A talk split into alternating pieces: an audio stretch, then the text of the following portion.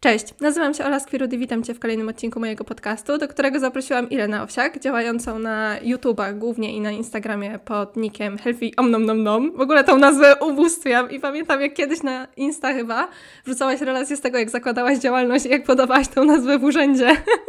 Zwizualizowałam sobie to wtedy, jak to mogło wyglądać i mnie to strasznie rozbawiło. Przedstaw się proszę i powiedz, czym się na co dzień zajmujesz.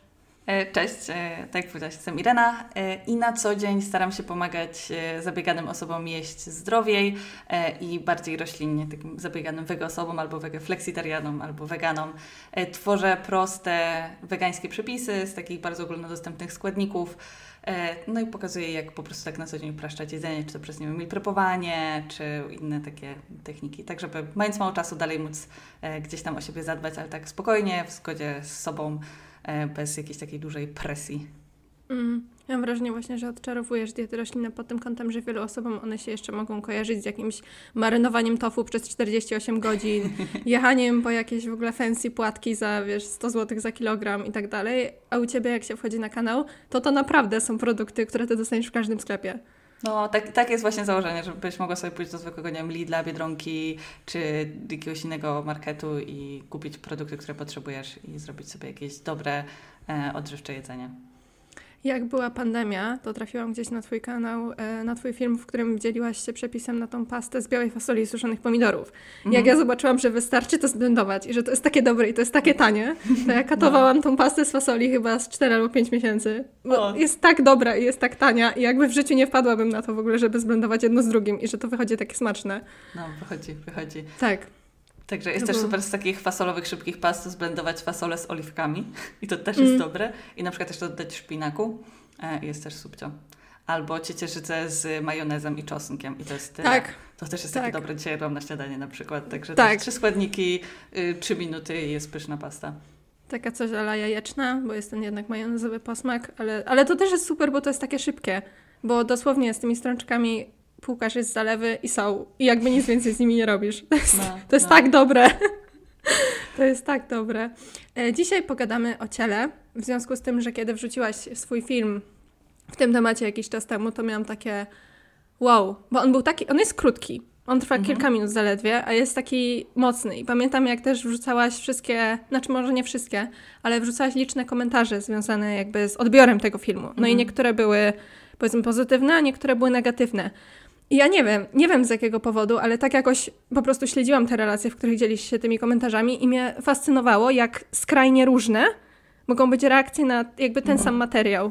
Jak, jak dużo to mówi o, o tym, jakie ciało, jak ciało jest postrzegane w obecnej kulturze, jakie ludzie mają swoje jakieś przekonania na temat ciała. Co było dla Ciebie bodźcem do stworzenia tego filmu? E, ogólnie tak dla niewtajemniczonych, no to jakoś kilka, prawie już rok temu zrobiłam film, w którym e, no jego nazwa to był film Odczep się od mojego ciała, o tym właśnie jak bardzo tak naprawdę przez no jak nasze ciała są oceniane cały czas przez społeczeństwo i jak przez to trochę nie są, nie są nasze.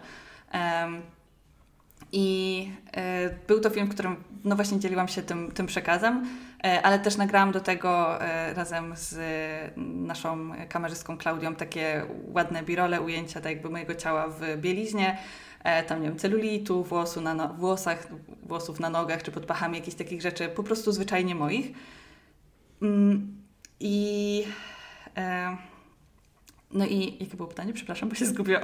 E, jaki był bodziec dla Ciebie do Aha, jaki bodziec. E, w ogóle ten film w głowie mi chodził naprawdę już bardzo długo. Ja pamiętam, że chyba rok gdzieś tam mi się to myliło w głowie.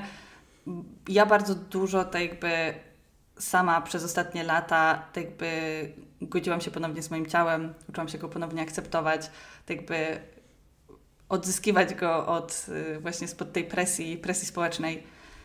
I gdzieś widziałam, jak dużo pomagają mi niektóre treści właśnie w internecie na ten temat, takie normalizowanie po prostu zwykłego ciała, tak jakby jak bardzo pomagało mi po prostu widzenie u innych ludzi, że ej, no tak wygląda ciało, że no ciało ma teksturę, ciało, nie wiem, marowki, ma zakamarki, że to jest normalne, że nie wiem, ciała mają, nie są, nie są idealne. I jak bardzo pomagało mi widzenie to u innych ludzi, że nie wiem, ktoś na Instagramie gdzieś tam pokazał po prostu jakieś takie zdjęcie najzwyczajniejsze, niewypozowane i jak mi to bardzo pomagało w takiej mojej drodze to zaakceptowanie mojego ciała, że, że ono jest, no jest okej, okay, jest po prostu moje i, i I też chciałam po prostu gdzieś dołożyć do tego swoją cegiełkę i też właśnie na swoim przykładzie to pokazać. I ja wiem, że moje ciało jest y, raczej takie w miarę w kanonach. Nie mam, nie wiem, ciała modelki zdecydowanie, ale tak jakby no jest ono w kanonach, jestem raczej szczupłą osobą. E, I przez to też w ogóle miałam bardzo dużo wątpliwości co do tego filmu, czy to jakby w ogóle jest sens, żebym ja tutaj zabierała głos. E, I hmm. też wydaje mi się, że przede wszystkim warto tutaj dawać miejsce i platformę osobom no, z przeróżnych, tak jakby um, osobom z przeróżnymi sylwetkami. Też miałam takie, czy na pewno jest tutaj moje miejsce. Ale stwierdziłam, że w sumie no, chcę pokazać to na takim materiale, na jakim mam, czyli na swoim ciele. E, no i e, no i co? To chciałam po prostu pokazać takie najzwyczajniejsze moje ciało. Mm. No więc taki, żeby, żeby innym, innych, inne osoby też bardziej po prostu oswoić z tym, że no, jakby normalizować takie zwykłe, najzwyczajniejsze ciała. Jakby wyeksponować, że nie ma jednego e, najlepszego, najidealniejszego e, kanonu właśnie. Nie ma tych sylwetek, które my obserwujemy. Ja często współpracując z różnymi osobami, zachęcam ich właśnie, kiedy sobie omawiamy temat ciała, do przeglądnięcia mediów społecznościowych, na których dana osoba siedzi. To jest zazwyczaj najczęściej Instagram. E, I jakby zapytać siebie, ile jest różnych ciał. Ale tak szczerze, no nie? Bo jakby okazuje się często, że jak przeglądniemy główną, to jest jedna sylwetka, jeden typ sylwetki, ewentualnie dwa. Jedna jest bardziej szczupła, druga jest bardziej umieśniona, ale to są dalej bardzo mhm. opalone, gładkie, często wyfotoshopowane ciała.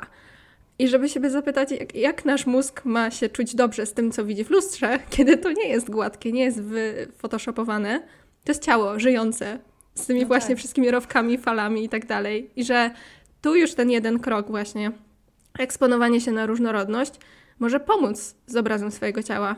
Mhm, pewnie, że tak. No dla mnie w ogóle też w kontekście, też w kontekście Instagrama, mediów społecznościowych, ja to też wiesz, no tak samo tak jak ty widzę bardzo dobrze z drugiej strony. Ja wiem, że to naprawdę, jak ja już nie wiem, jestem na Instagramie i robię zdjęcia od tak długiego czasu, to to jest naprawdę dwie minuty, żeby zrobić zdjęcie, na którym ja wyglądam jak po prostu super y, dupera i w ogóle wiesz, nie wiem, jakbym wróciła prosto z siłki i chodziła na nią przez ostatnie dwa lata. Naprawdę to nie jest problem, to jest kwestia dobrego światła, dobrej pozy, e, a jak jeszcze potem dodamy do tego obróbkę zdjęć, to to już w ogóle jest po prostu banał. I bardziej też miałam, w sensie, że wiem, jak to jest proste i wiem, jak bardzo, jak, jak w prosty sposób mogę po prostu tak pokazać moje ciało, a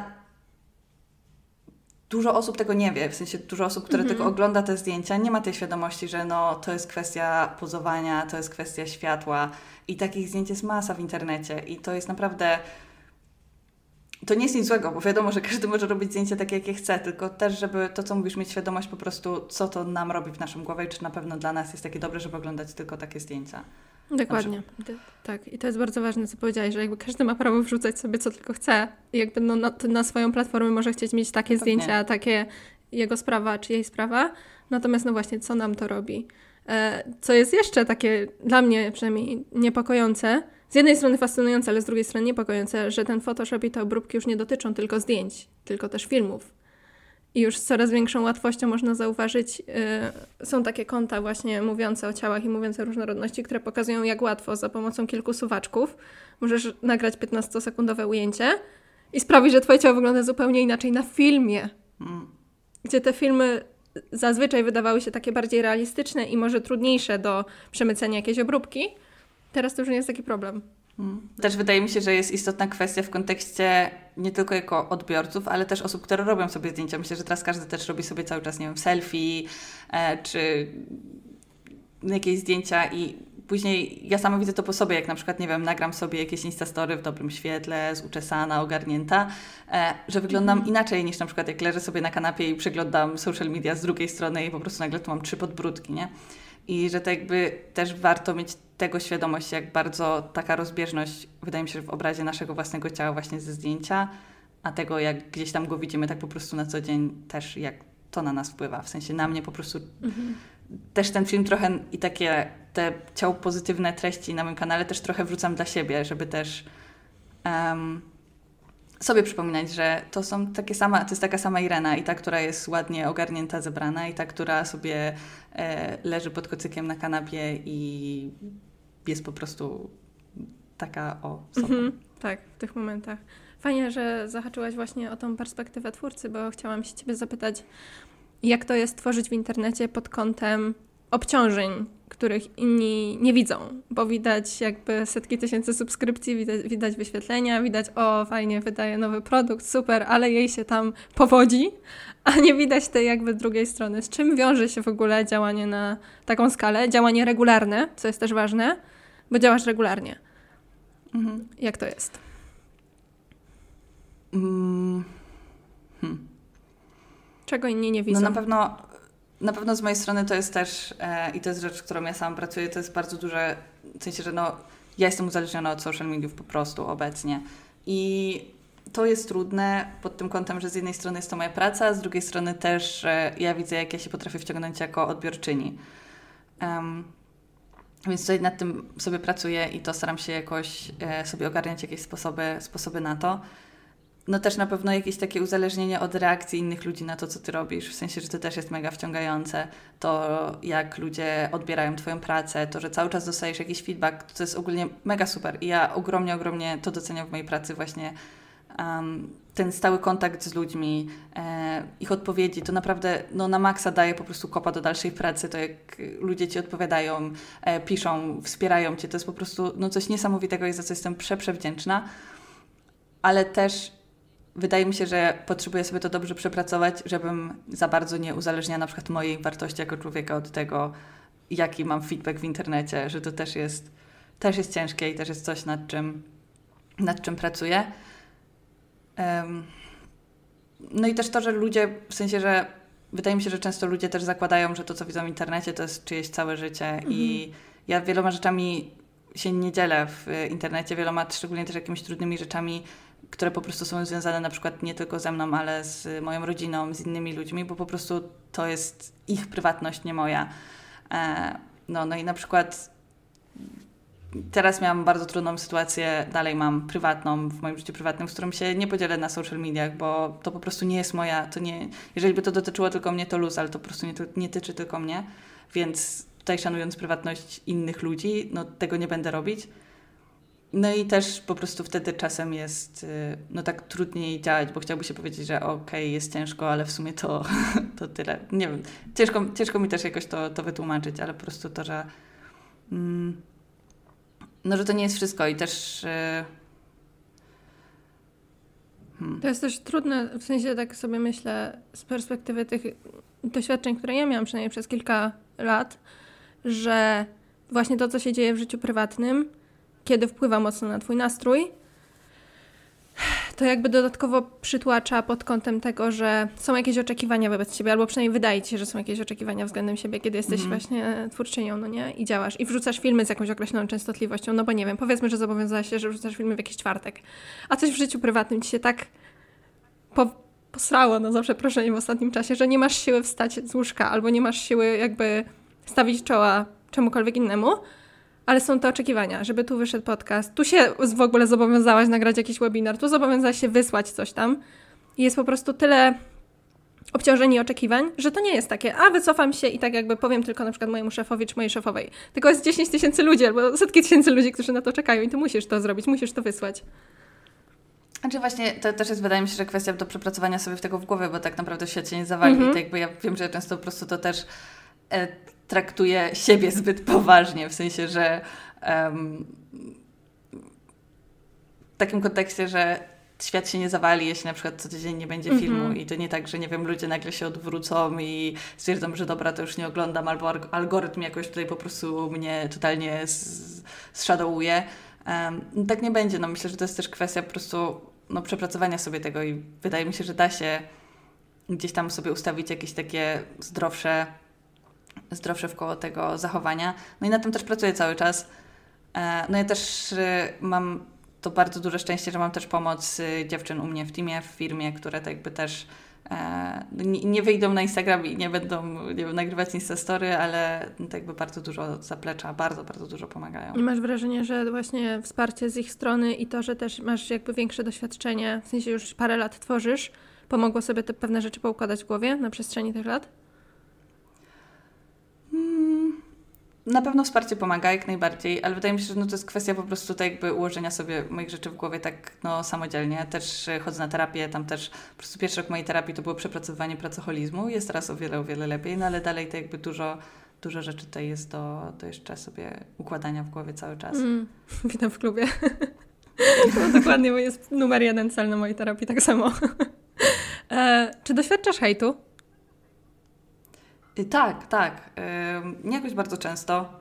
Nie, nie, nie bardzo dużo. No największy wysyp hejtu właśnie był w tym, po tym filmie o ciele. Mm. E, I to takiego hejtu naprawdę z grubej rury, gdzie ludzie pisali, że jestem obrzydliwa, że no, no naprawdę takie no, komentarze nie, niezbyt miłe. Nawet ostatnio się pojawił jakiś taki film, że nabieram tylko jakieś zakompleksione nastolatki, e, pokazując jak właśnie i promuję to, że jedne co jest u mnie nowe, to że się nie myje i coś tam. Myślę, to takie, co? To już też takie trochę, no jak teraz o tym myślę, to mnie to trochę bawi. Wtedy akurat miałam gorszy dzień i po prostu akurat to mnie jakoś bardziej dotknęło.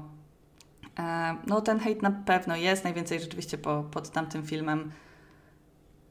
No. A jesteś w stanie jakby w jakimś stopniu chociaż przewidzieć? W sensie masz takie poczucie, że jak wrzucasz jakiś materiał, to tego hejtu będzie więcej, a jak wrzucasz inne materiały, to że raczej się z nim nie spotkasz?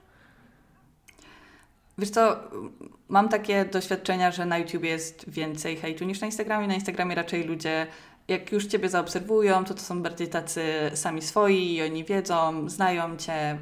Bardziej, no taka bardziej, e, no społeczność samych swoich.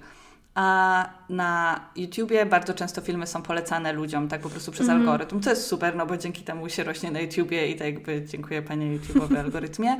Ale z drugiej strony bardzo często też te filmy docierają do ludzi, którzy Cię nie znają i po prostu, e, nie wiem, tylko natrafili na Twój jeden filmik i zaczynają coś komentować. Mm. Więc na YouTubie jest tego więcej.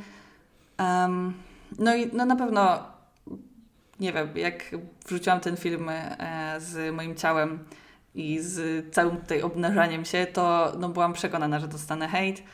Um, byłam na to bardzo gotowa. Bardziej mnie ten hejt dotknął niż myślałam, że mnie dotknie, ale no, mhm. myślę, że i tak było warto, bo no, ten hejt to było mały procent w stosunku do po prostu ilości miłości, którą dostałam w komentarzach i wsparcia, także... Plus masz poczucie, że ten film pozwolił Ci jakby nawiązać kolejny level jakiejś więzi z Twoimi odbiorcami, odbiorczyniami? Bardzo możliwe. Wydaje mi się, że wydaje mi się, że tak. Mm. Zdecydowanie. W ogóle przejrzałam sobie komentarze pod tym filmem yy, i tam było strasznie dużo miłości od też jakby grona męskiego. Ja nie wiem, jak się rozkłada powiedzmy procentowo twoi odbiorcy, ale to było takie fajne zobaczenie, że... E, wiesz co, nie wiem nawet jak tam teraz te, te komentarze się, się rozkładają dokładnie, w sensie nie analizowałam tego pod kątem płciowym. E, jeśli chodzi o to, ile jest odbiorców, no to u mnie są głównie dziewczyny, jest 90 chyba 5% mm, no, kobiet. No, to masz podobnie jak ja.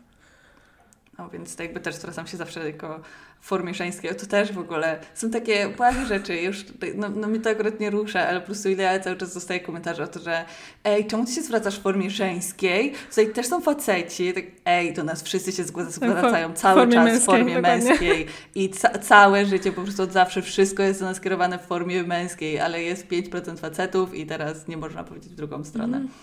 Sensie ja bardzo szanuję y, bardzo cieszę się, że są ci faceci i super, mega mnie to cieszy, no ale po prostu można raz mówić w formie żeńskiej i mam nadzieję i myślę, że większość tych facetów w naszej helwikowej społeczności jest w kontekście bardzo wyrozumiałych i też to, też to zdecydowanie rozumie, także to też jest super.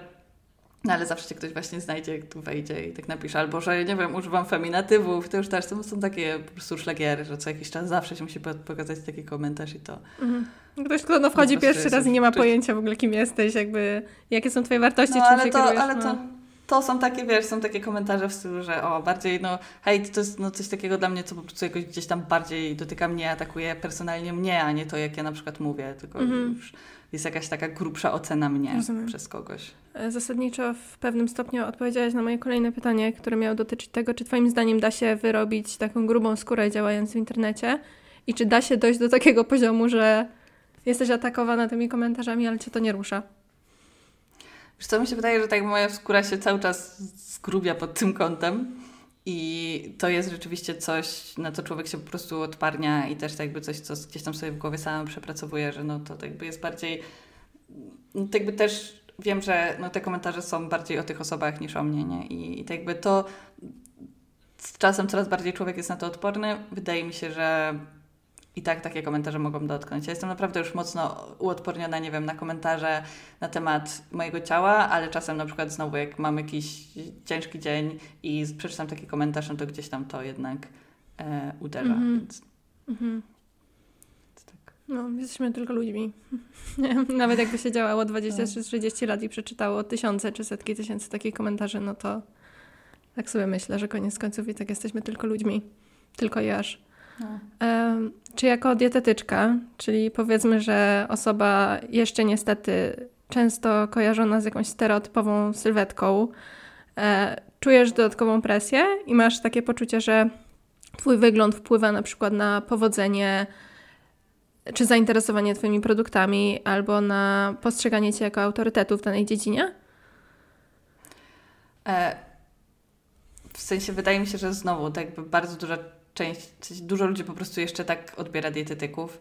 I też się spotykałam, nie wiem, z jakimiś komentarzami, kiedy dostałam, że o, że tak promuję swój jadłospis, a sama wyglądam tak i tak i że w ogóle bez sensu, albo że co ze mnie za dietetyk, jak sama wyglądam tak i tak. Sensie, że są jak najbardziej takie komentarze też w moją stronę, gdzie naprawdę no nie wiem z czym, w sensie nie, ciężko mi sobie wyobrazić, co muszą czuć osoby, które bardziej odbiegają od kanonu i jakie to dla nich musi być trudne, gdzie ja jako osoba, Właśnie. która jest raczej szczupła, dostaję takie komentarze, więc to jest naprawdę straszne i bardzo przykre, że no, ludzie coś takiego, coś takiego piszą i w ogóle e, no to, jakie ktoś ma kompetencje, umiejętności, nijak się nie wiąże z tym, jak ktoś wygląda i to, jak to, jak wygląda nasze ciało, na to wpływa po prostu milion różnych czynników i no nie tylko, w sensie może być ktoś może wyglądać prześwit. To też jest taka pułapka, że nie wiem, często ludzie, którzy na przykład schudli albo wyglądają super już tutaj, o, pomogę Ci też schudnąć i tak dalej, i bo u niego to zadziałało i bo on wygląda dobrze. No tak,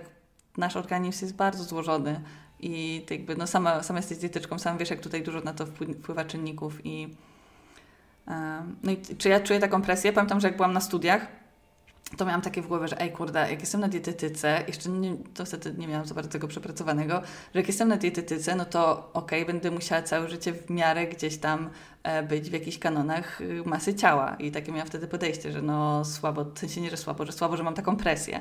No potem się z tej presji pouwalniałam. Nie wiem na ile do końca, pewnie gdzieś tam to w głowie mojej dalej gdzieś jakoś zostało, mniej lub bardziej świadomie.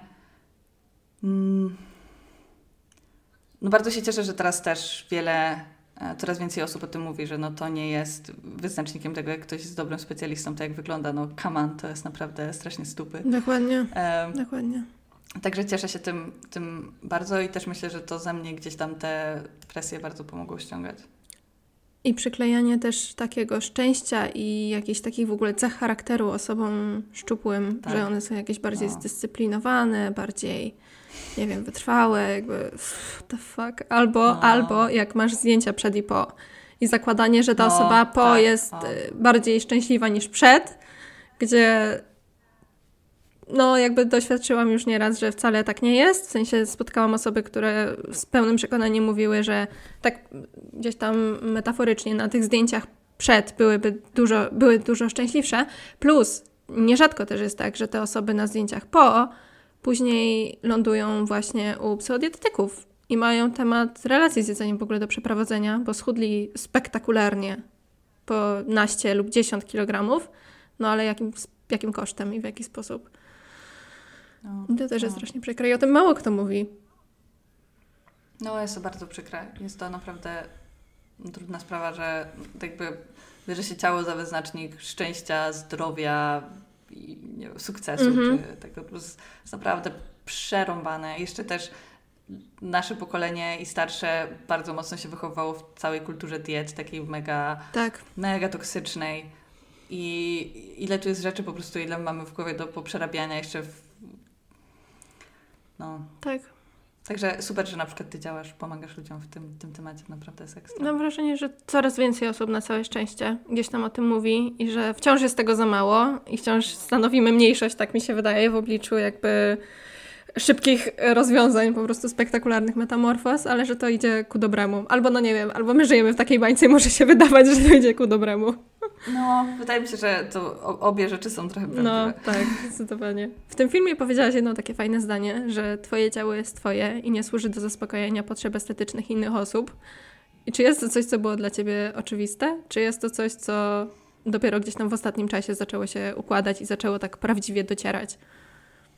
Oj, no co ty, w sensie ja tak jakby byłam zakompleksioną nastolatką i młodą osobą długi czas, w sensie, że ja, nie wiem, wielu rzeczy w moim ciele nie lubiłam, nie czułam się, nie wiem, atrakcyjna e, i absolutnie to nie było dla mnie e, jasne i to jest rzecz, która właśnie też tego uczyłam się i dalej się uczę, bo znowu wydaje mi się, że takie rzeczy gdzieś tam dalej, jakbyśmy bardzo nie mieli tego przepracowanego, to zostają w podświadomości, czy mniej lub bardziej. Ale nie wiem, nie znam się, w sensie nie, nie jestem psycholożką, tak mi się tego wydaje. E, I no to jest coś, co, czego, czego zdecydowanie się uczę i właśnie pomaga, pomagało mi w tym bardzo oswajanie się, widząc inne ciała, normalizowanie innych ciał, normalizowanie wszelakich sylwetek. E, no, i, no i też trochę powtarzanie sobie tego, w sensie, że rzeczywiście przypominanie sobie o tym i mm. tak jakby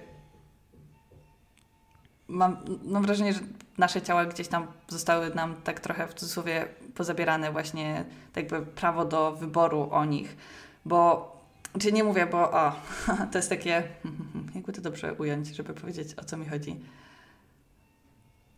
bo tak naprawdę każdy z nas ma, nie wiem, bardzo jasny wybór tego, czy na przykład, nie wiem, się golić, będąc kobietą, czy nie. I to jest jakby jasne, że możesz się golić, możesz się nie golić. Obie opcje są spoko, opcje w sensie, że rób tak, jak ty czujesz, że ci się podoba.